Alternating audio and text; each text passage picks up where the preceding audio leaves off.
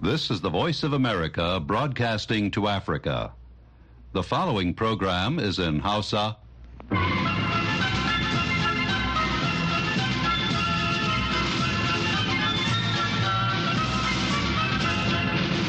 Sashen Hausa na muryar Amurka ke magana daga nan birnin Washington DC.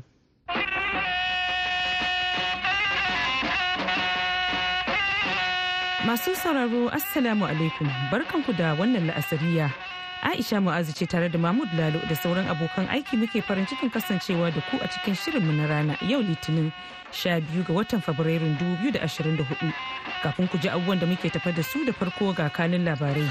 ta hukumomi a kamaru sun ce akalla mutum guda ya rasa ransa sannan dozin da dama sun jikkata ciki har da ƙananan yara bayan wata fashewa da ta auku a yankin renon ingila da ke arewa maso yammacin ƙasar yayin da wata kotun ɗaukaka ƙara a netherlands ta ba gwamnatin ƙasar umarni a yau litinin kan ta dakatar da aika jirage na yaƙin sama kira f-35 zuwa isra'ila za ku ji cewa wani ɗalibi da bai kammala karatun sakandare ba a malawi ya kirkiri wata na'ura da ke samarwa da unguwarsu wutar lantarki ta hanyar amfani da iska maimakon man fetur To kanin labaran kenan.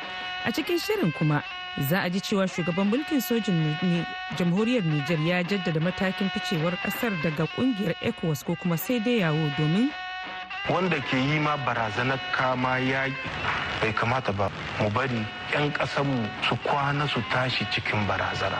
Wannan kadai ya isa mu bar wagga ƙungiya muna da ƙarin bayani a cikin shirin.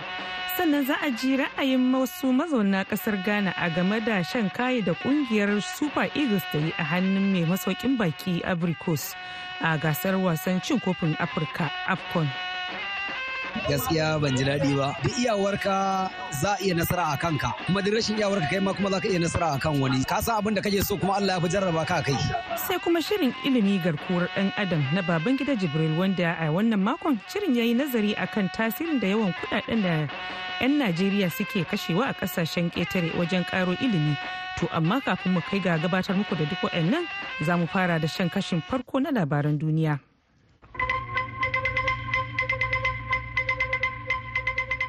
To jama'a assalamu alaikum. Hukumomi a kamar sun ce akalla mutum guda ya rasa ransa sannan wasu dozin da dama sun jikkata ciki har da ƙananan yara bayan wata fashewa da ta auku a yankin renon ingila da ke arewa maso yammacin ƙasar fashewar wacce ta auku a ranar lahadi ta faru ne yayin da ake bikin ranar yara a yankin nkambe kamar ta sha fama da har-haren 'yan aware waɗanda suka salwantar da rayukan fararen hula da dama a 'yan makonnin da suka gabata. A shekarar 2016 rikicin na 'yan aware ya barke sanadiyar boron da ɓangaren ya yi kan yadda ake fifita yankin renon faransa masu rinjaye a ƙasar majalisar ɗinkin duniya ta ce sama da mutum dubu shida sun mutu sanadiyar rikicin wanda har ila yau ya shafi karatun yara sama da dubu shida. Isra'ila ta kai wasu hare-haren sama a kudancin yankin rafa waɗanda suka halaka akalla mutum 67 a cewar ma'aikatar lafiya ta yankin gaza. Yankin da ke ɗauke da akalla fararen hula miliyan 1.4 waɗanda suka tsere wa yaƙin. Mazauna yankin na rafa sun ce sun ji tashin bama-bamai yayin da hare-haren na isra'ila suka riƙa fadawa kan gidaje da masallatai. Isra'ila ta ce hararen da ta kai sun kaikaici wasu wurare ne a yankin na rafa yayin wani samame da ta kai na kuɓutar da wasu yahudawa biyu da hamas ke garkuwa da su. The Israeli military extracted the captives under fire in a dramatic raid after soldiers stormed. Wakilar kamfanin dillancin labarai ta AP ta ce dakarun na Isra'ila sun kuɓutar da mutanen ne yayin wani samame mai sarkakiya a wani gini mai cike da tsaro. Firaministan Isra'ila Benjamin Netanyahu ya yaba da samamin da dakaransa suka kai yana mai cewa ƙasarsa ba za ta bari wata dama ta kubuce mata ba wajen ceto 'yan ƙasarsa. Halin da ake ciki kuma wata kotun ɗaukaka ƙara a netherlands ta ba gwamnatin ƙasar umarni a yau litinin kan ta dakatar da aika jirage na yaƙin sama kirar f-35 zuwa isra'ila. Matakin na zuwa ne bayan da wasu ƙungiyoyin kare haƙƙin bil'adama suka nuna damuwa kan hare-haren da isra'ila ke kaiwa a yankin na gaza.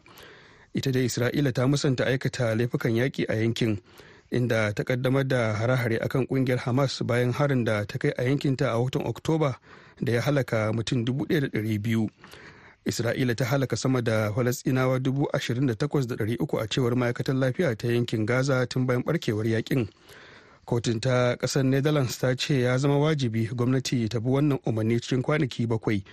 Ko da yake akwai ƙofar da gwamnatin za ta iya ɗaukaka ƙara. Labaran na zuwa muku ne daga nan sashen hausa na murya amurka a birnin washington dc To nan ba da jimawa ba Mahmud zai karanto mana sauran labaran amma dan yanzu za mu buɗe taskar rahotanninmu daga jamhuriyar Nijar. Shugaban gwamnatin mulkin sojan Nijar ya jaddada cewa bakin alkalami ya bushe dangane da matakin ficewar ƙasar Mali da Burkina Faso da kuma Nijar daga ƙungiyar ECOWAS wato sai da yawo. A bayanin da ya ta kafar talabijin na ƙasar janar Abdulrahman Tani ya bayyana cewa ƙasashen uku sun kaddamar da yunkurin samar da takardun kuɗi sabanin wanda ake amfani da shi yanzu da nufin yanke igiyar da Faransa ke amfani da ita don ci gaba da mulkin mallaka.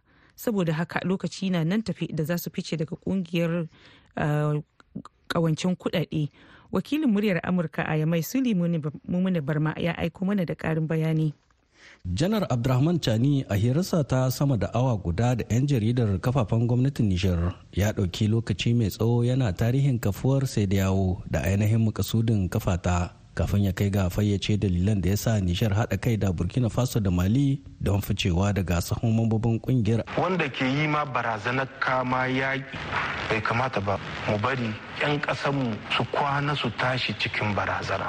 Wannan kadai ya isa mu bar wagga ƙungiya wagga ƙungiya don muna cikinta an hana abinci ya shigo an kace muna wuta an hana magani ya fito an hana kuɗin na Niger mu yi unhwani da shi. Yana mai dora alhakin dambarwar da ke tsakanin ƙasashen uku da a ɗaya gefe ECOWAS a wuyan wasu shugabannin da ya kira 'yan amshin shatan Faransa. In ka ɗauki Tinubu, Libin ya kai Faransa ita ta bashi iko. Bai wakala ga Allah ba ya san 'yan Najeriya su sun ka bashi iko.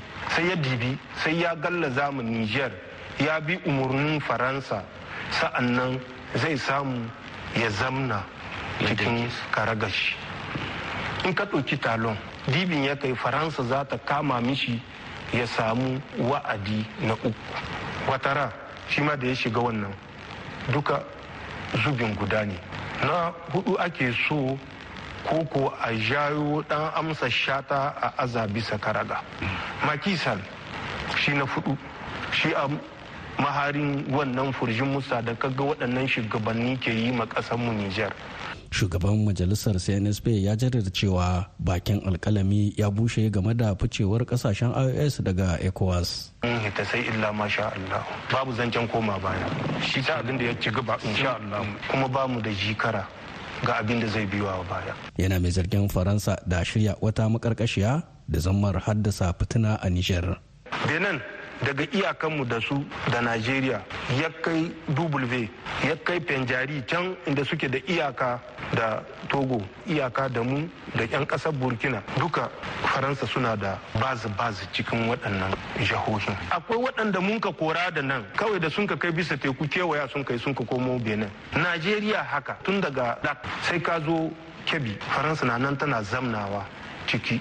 Ka ɗauka lak chad faransa na ciki iyakanmu sai ta je gali suna biɗar su haƙa muna tashin hankali. Shugaban gwamnatin mulkin sojan ya sanar cewa akwai yiwuwar nijar da mali da burkina faso su fice daga ƙungiyar ƙasashe masu amfani da kuɗaɗen sefa wato iyomowa bayan kammala wani shirin da ke gabansu a yanzu haka. Harka kuɗi lokaci ne insha Allah. Ƙwararri suna ga aiki. Radda sakamako ya kai kowa zai ganin sakamako insha Allah. waɗannan bayanai na janar abdulrahman tani na fitowa bainar jama'a ne a wani lokacin da wasu majiyoyi ke cewa shugaban rikon ƙungiyar sai da yawo shugaban tarayyar najeriya bola ahmed tinubu ya umarci wata tawaga domin zuwa bikon ƙasashen niger burkina faso da mali su dawo gida sule mummuni barma muryar amurka daga mai a jamhuriyar niger a gaida Suleiman barma da wannan rahoto. Sashen Hausa na muryar Amurka ake saurare daga nan birnin Washington DC kai tsaye ga kashin labarai na biyu. To dakarun Ukraine sun faɗa a yau litinin cewa Rasha ta kai wani hari cikin dare da jirage mara matuka 17 hada da wasu makamai masu linzami. dakarun saman ukraine sun ce sun harbo sha huɗu daga cikin jiragen mara matuka kirar iran da kuma wani makami mai linzami guda ɗaya lamarin ya faru ne a wasu yankunan ukraine da ake kira kamersheski vinshisia kirovarad da sauransu. Gwamnan ɗaya daga cikin yankunan ya ba da rahoton cewa wata wuta da ta tashi a yankinsa na da alaka da hare-haren da rasha ta kai. Wani ɗalibi da bai kammala karatun sakandare ba a ƙasar malawi ya ƙirƙiri wata na'ura da ke samarwa da unguwarsu wutar lantarki ta hanyar amfani da iska maimakon man fetur.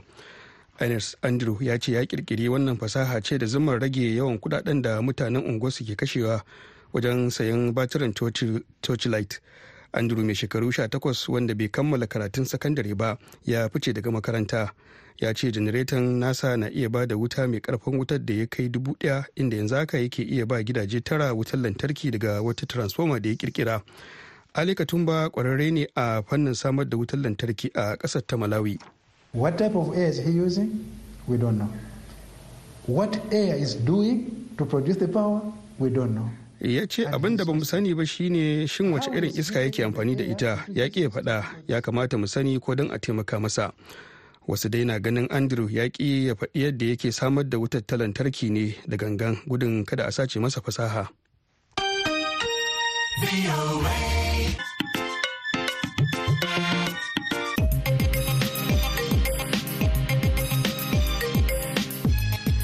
Mahmud Lalo kenan ya karanto mana labaran duniya daga nan sashen Hausa na muryar Amurka a birnin Washington DC.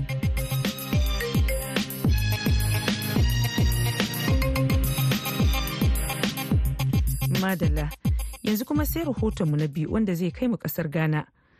Inda wasu al'ummomin ƙasashen Afirka ta yamma mazauna Ghana suka bayyana ra'ayoyinsu a game da rashin nasarar da tawagar Super Eagles ta Najeriya ta yi a wato wasan ƙarshe da ta buga da tawagar Cote a gasar cin kofin nahiyar Afirka da aka kammala jiya Lahadi inda wasu suka danganta rashin nasarar Najeriya da rashin sa'a lura da ƙarfin tawagar 'yan wasan Najeriya a gasar inda wasu kuma suka ce tarihi ne ya maimaita kansa. Wakilin muryar Amurka a Kumasi Hamza Adams na ɗauke da karin bayani cikin wannan rahoton da ya hada mana. Muhammad Suraju gaskiya ban ji daɗi ba. Duk iyawarka za iya nasara a kanka kuma duk rashin iyawarka kai ma kuma za ka iya nasara a kan wani. Ka san abin da kake so kuma Allah ya fi jarraba ka kai. Ko ba haka ba? To ta iya wannan jarrabawa ne kuma ta iya nan gaba kila mu kuma mu nasara a wani ɓangaren. Eh amma saboda ka san duk mutumin da yake kishi da kasarsa to dole ne ya fatan kasarsa ta samu nasara. Suna na ma'azu na isa ni dan Niger na cikin region Kintawa kallon Cote d'Ivoire dai da bun gashi dai za a ce dai da an yi dai da an kare lafiya dai. Ka san komi mutane suna da wanda wanda ke da rabo kai shine ke samu. Amma mu farko muna bayan Najeriya tunda dai abun gashi. Amma tunda dai sa'an su ne dai su Cote d'Ivoire Allah ya ba sa'a kuma da an ka yi ta lafiya an ka kare shine muke fatan alheri. Tsokacin wasu al'umman Najeriya da Nijar mazauna Ghana kenan bayan da Cote d'Ivoire ta doke tawagar Super Eagles na tarayyar Najeriya da ci biyu da ɗaya a wasan ƙarshe a gasan cin kofin nahiyar Afirka da aka kammala a jiya Lahad. Najeriya ce ta fara zura kullo a ragar Cote d'Ivoire mai masaukar baki tun a minti na 38 ta hannun captain ɗin ta Williams Chus Ekon. Inda daga bisani Cote ta farke har ma ta yi nasara akan Najeriya kafin fara wasan da an yi wa Najeriya sammanin nasarar lashe karawar lura da yadda ta lallasa Ivory Coast a haduwarsu ta farko yayin wasannin rukuni amma ko hakan bai tabbata ba. Ibrahim Modibo mai sharhi kan harkar kullo a Ghana ya ce ko shakka babu tarihi ne maimaita kansa amma Najeriya sai ita ke kan gaba wajen yin nasara. Cote sun zo da sa'a ne in ka duba wanda ya qualify da 3 points cikin ball duka misali argentina sun yi irin haka nan. Sannan kuma ya sunan shi portugal su ma sun yi haka nan. Shi sa da abin ya zo ma cote d'ivoire shi na ce kai kan ce history fa ina iya maimaita kansa. Shi sa abin da cote d'ivoire suka samun ga sun ya su ɗauki kafin nan. Alhalin najeriya an ka duba considin su gosun su duka su samu two goals kawai ne. Saboda defense su yana da ƙarfi.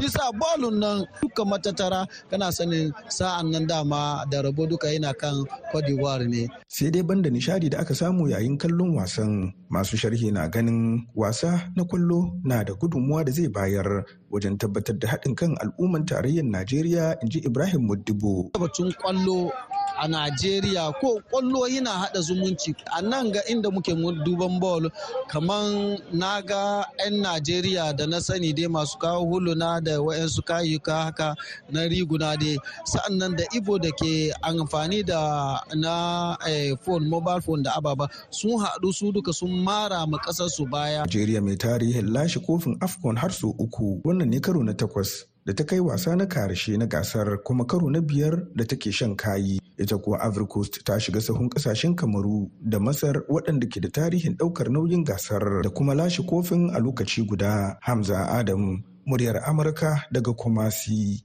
ghana. A gaida hamza. To kada fa a sha'afa san muryar Amurka ake saurare daga nan birnin Washington DC akan mitoci 1625 da kuma 31. A jamhuriyar Nijar kuma ana iya sauraron mu a tashar VOA Africa mita 200.5. Sannan a duk sa'ad da ake so ana iya zuwa shafinmu na yanar gizo a www.voahausa.com domin sauraron wannan shirin da ma waɗanda suka gabata. Yanzu agogonmu a nan Washington DC na cewa ƙarfe goma da minti goma sha biyar na safe. Ga shirinmu na gaba.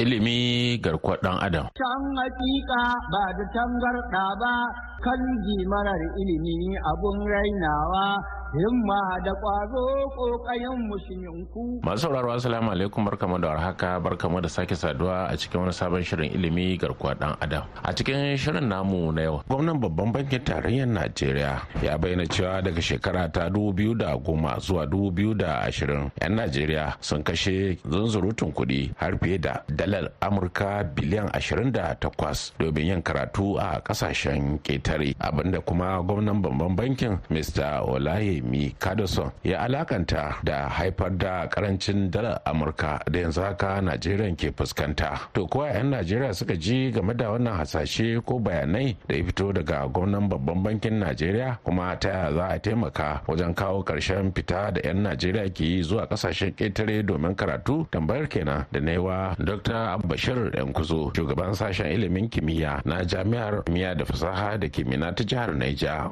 Idan har shi babban gwamna na bankin najeriya zai ce wato ainihin harkar taɓarɓarewar naira na da alaka da kuɗaɗen da ɗalibai suke nema a waje waɗanda suke karatu ne ƙasashen waje. To wannan kaga abin tambaya a nan shine to me abin yi? Shi za a tambaye shi me ya kamata a yi a hana su ko ko wani irin karatu suke yi ko kuwa saboda a da a nan ƙasar najeriya akwai ɗaliban su ma wasu ƙasashe da dama da suke zuwa su karatu a nan foreign students. Kamar yadda kasancewa ƙasashe daban-daban sukan kai ɗaliban su dama su je su karanto musamman wani abu wanda kila a ƙasar su abin da suke da shi bai kai wanda yake wancan wurin kwarya ko kuma a ce ma wato ainihin abin da shafi hadaka na wato ainihin bincike. To amma yanzu jami'o'in Najeriya sun kai ga marhalar da kalla ne zaka je kaga jami'o'in nan da ɗalibai na ƙasashen waje. Amma na 'yan Najeriya musamman waɗanda suke da hali ko waɗanda suke da wato ainihin wani dai wato gata a gwamnati da yawa 'ya'yan su tura su suke su je wancan ƙasashen su je su karatu. Kuma in sun je wannan ƙasashen wani abun mamaki ma sai ka ga me suke karantowa da babu a wannan ƙasar da in an inganta wato ainihin jami'o'in nan ba za a iya karantarwa ba. Saboda haka jami'o'in ne na nan Najeriya an kyare su suna wato ƙara rushewa. In ka shiga cikin jami'o'i kusan kashi casa'in da wani abu na waɗanda suke karantarwa daga profesoshin su har ƙasa a takure ake karantarwa ba daɗi. Ana dai daurewa ne saboda ba abin da za a yi. Da kaje ka za ka ji an takura su albashi dama an hada su albashin wajen watanni nawa. Sannan yanzu kuɗin da ake ba su a tsintsinka kuɗin sannan ba za a bayar yadda ya dace ba. Sannan ga abubuwa na wulakanci daban-daban waɗanda malaman jami'o'i suke fuskanta. A takure a rashi. Ka je abin zai baka mamaki ka je profesoshi da yawa yanzu haka a cikin jami'o'i hatta riƙe motar su su riƙe mota don su je wurin aiki su je su dawo da dama ba sa iya yi. To kaga ya za a yi harkar ilimi ya ya bunƙasa. Kuma in wannan yana da alaka ya sa yaran masu hali duk suna barin ƙasa suna tafiya ƙasashen waje kaga ya nuna cewa ƙasar su ta rushe kenan. Harkar ilimi ya rushe. Wannan ko babban abin takaici ne. Saboda haka abin yi shine gwamnati ta sake wayewayowa ta dawo ta kalli harkar ilimi tun daga firamare har zuwa sakandare har zuwa jami'a. Wannan shine abin da ya kamata a yi. Idan kuma aka yi haka to wannan shine da Allah zai iya taimakawa in ma ɗalibai suna zuwa waje su karatu to suna zuwa waje su karanto wani abu ne na skills waɗanda zai taimaka su zo su ƙara bunƙasa tattalin arzikin ƙasa din amma jami'o'in ƙasan ma su ma sun isa sun tsaya da kafansu Allah ta'ala kuma ya sa mu dace wannan akwai abin takaici ƙwarai dangane da hanzari da yawanci mutanen gwamnati suke bayarwa alhali kuma matsalar ta haifu ne saboda ire-iren policies yadda ake tafiyar da harkokin wannan kasa musamman akan abin da ya shafi ilimi. Dr. Dauda Muhammad Kwantagora wani masanin tattalin arziki ne da saka jari a Najeriya. Kuma ya mun karin haske game da alfanu ko rashin alfanun wannan mataki na gwamnan babban bankin Najeriya na fitar da kudade domin yin karatu a ƙasashen ketaren. Watan yana da alfanu amma kuma matsalan da yake kawo wa tattalin arzikin kasa ko kuma kuɗin musayan kasa shine na kamar rage darajarta. Idan kowa ya ce sai ya fita kasan waje kaga su mafi akasari wayannan ƙasashe na waje din ba da kuɗin najeriya suke amfani ba. Kuma mafi akasarin ƙasashe zaka gani ana fita a je neman ilimi. Amma mafi akasari ilimin da za a nema sai wanda ba za a iya samun shi ba ne a cikin gida kamar a cikin gida najeriya ko kuma wasu ƙasashe na nan afirka wayanda muke da alaka da su wayanda yake yana da saukin tahiyarwa. To amma sai ka ga mu mu ta nan najeriya kowa zaka gani duk wanda ya samu dama zaka ga cewa yana so ya kai dan shi ƙasar waje. Kuma wannan ƙasar waje din yana da bukatan kuɗaɗen musaya musamman dala wanda yake amfani da ita. Wannan kuma za ga cewa yana kawo na kaso akan kuɗin musaya ko kuma darajar kuɗin kasan to kamar yadda ka sani ba za a hana kowa fita zuwa neman ma ilimin kasan waje wanda yake da hali ya kai dan shi ko kuma shi da kansa ya je karatun. Kaga gwamnati ba za ta ce ta hana ba. To amma dai yana da kyau ya zama na kasa ta tantance wani ilimi ne yake da amfani da zai gaggawan kawo ci gaban kasan kamar kaga misali a dacen baya muna da gibi akan harkokin musamman na harkan na'ura mai ƙwaƙwalwa da kuma harkan nan na wanda ake kira na yanan gizo. Zaka ga da muna da wannan gibi. To amma za ga bayan 'yan shekaru 'yan najeriya da yawa sun zo sun shahara a wannan wuri. Kuma idan ka dubi irin yawan jami'o'in da muke da su ga sunan da ake ta budewa to kamata a ce wasu a fannoni na ilimi da ake zuwa nema kasan waje ya kamata a ce yanzu za mu iya samar da shi a nan cikin gida. Wanda samar da shi cikin gida din kaga zai ma shi mai neman arha kuma zai ma kasan taimako don saboda ba za a buƙaci amfani da kuɗin musaya ba. To kaga irin wannan kaga ana kira ga masu hannu da shuni ko kamfanoni. Kullum da muke cewa gwamnati ƙoƙari ta haɓaka abubuwan more rayuwa musamman wutar lantarki da hanyoyi da kuma harkan ilimi din zai yi amfani kuma zai taimaka ma tattalin arzikin kasan. Amma a yanzu idan aka bar shi kara zube kowane irin ilimi da wanda za a iya samu a gida da wanda ba za a iya samu ba sai an fita waje saboda matsaloli da yema sashen ilimin tarnaki na kaman yajin aiki da sauransu wanda kuma komi na da ka'ida mutum na da yaro yana son ya ga ƙoƙari ya kammala karatun shi akan lokaci ya nemi aiki ya taimaka ma rayuwa da ƙasa. To amma idan gwamnati da masu hannu da shuni aka yi ƙoƙari aka inganta wannan wuraren karatu namu to wannan zai taimaka ma tattalin arziki. Musamman kudaden musayen mu.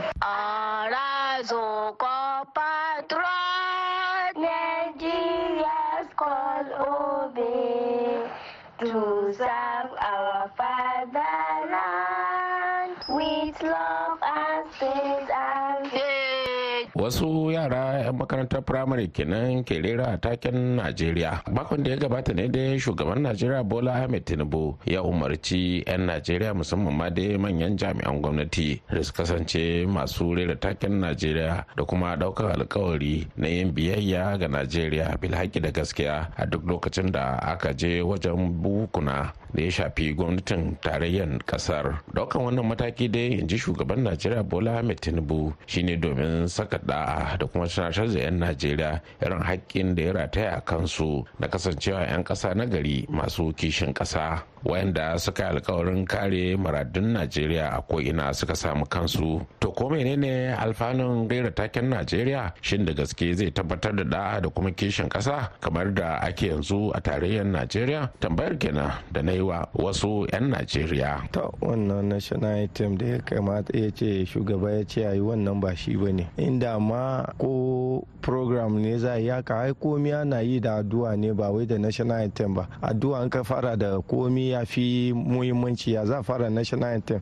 yi da musulunci ko kristanci su ma za su yi addu'a. Komi aka fara da addu'a za a samu nasara. Abu amma fara abu da national anthem abun nan bai dace ba ya kamata yana batun ai kishin kasa ne. Ya batun kishin kasa wannan ba batun kishin kasa ba ne. Waga ta yunwa za a ji da shi ko ko ta national anthem. National anthem me yake kawo mana? Ba abun da yake kawo mana amma illa sai dai a lokaci da ya gabata. Can baya ne ake ba wayan abubuwan muhimmanci. Wayan abubuwan yanzu ba abubuwan da ya kamata ba muhimmanci ba ne. Ya za a zo a ce waya ba national anthem muhimmanci kuma ga abun da ya kamata ba muhimmanci? Ba ba su muhimmanci ba ba fuskanci. Su me ya kamata a ba muhimmanci? Abubuwan da ya kamata a ba muhimmanci a Najeriya kamar misali irin yanda yanayin da Najeriya ta shiga yanzu talakoki sun wahala nan da can to ba samu mafita ba. Yanda za a iya samu matalaka hincinsa da mafita shine ya kamata yi ma mutane. Ba wai a jiwa na national anthem national anthem zai kawo mana? Amma ana koyar da shi a makarantu har yanzu dai ko? To ana koyar da shi yawa ga amma yanzu nan aka ba da wani muhimmanci ga talaka fa. Gaskiya tsakani da Allah mu faɗa mu junan mu gaskiya bai da amfani. Sai su can da suke cewa ya ta yin shi yana da amfani gare su. Amma mu ga talaka tsakani da Allah bai da amfani a nufi. to masu sauraro a ne kuma shirin namu na wannan mako zai daga a madadin jami'ar da ta ba da umarnin shirin Julie Leather Gresham na ku babin gida jibrin ke cewa huta lafiya sai wani makon. Can hakika ba da tangarɗa ba kan marar ilimi abun rainawa himma da A gaida baban gida Jibril. To kafin mu ci gaba masu sauraro ga wannan saƙon. Ya Allah ya Allah na roƙa. Domin iyali, shirin da ke nazarin batutuwa da suka shafi ci gaban iyali da nufin neman mafita. Kama daga harkokin siyasa. Su a nasu yanzu idan aka ba su wannan mukamin suna riƙe da shi ba abin da suke duba illa sama. Mu kuma abin da muke dubawa balansin ƴaƴayenmu da suke tasowa. Ai ba ma mata ba ai dan talaka ma ba yanzu yanda suka yi ƙarfi ba za su so yi ƙoƙari ba. Na farko duk abin da aka yi a kowane kasa dokan kasa shine zai baka fifiko da ƙarfin gwiwa. Tarbiyyar ƴaƴa. Addini tun farko ya ce ka zaɓauwa 'ya'yanka uwa ta gari. Saboda me? A nan ne za ka samu tushen tarbiyyar 'ya'yanka ya taso. Kai a matsayinka na babba idan ka ga abin da zai lalace in ka ja sai ka ja ce kai wannan tsohuwa ta cika sa mana ido. zamantakewa tsakanin ma'aurata hakkin aure a kan namiji yake. Na farko shine mai aurowa.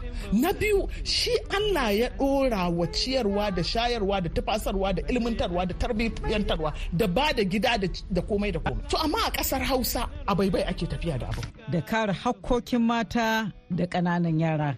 Ina so ne a bi min hakkin 'ya'yana.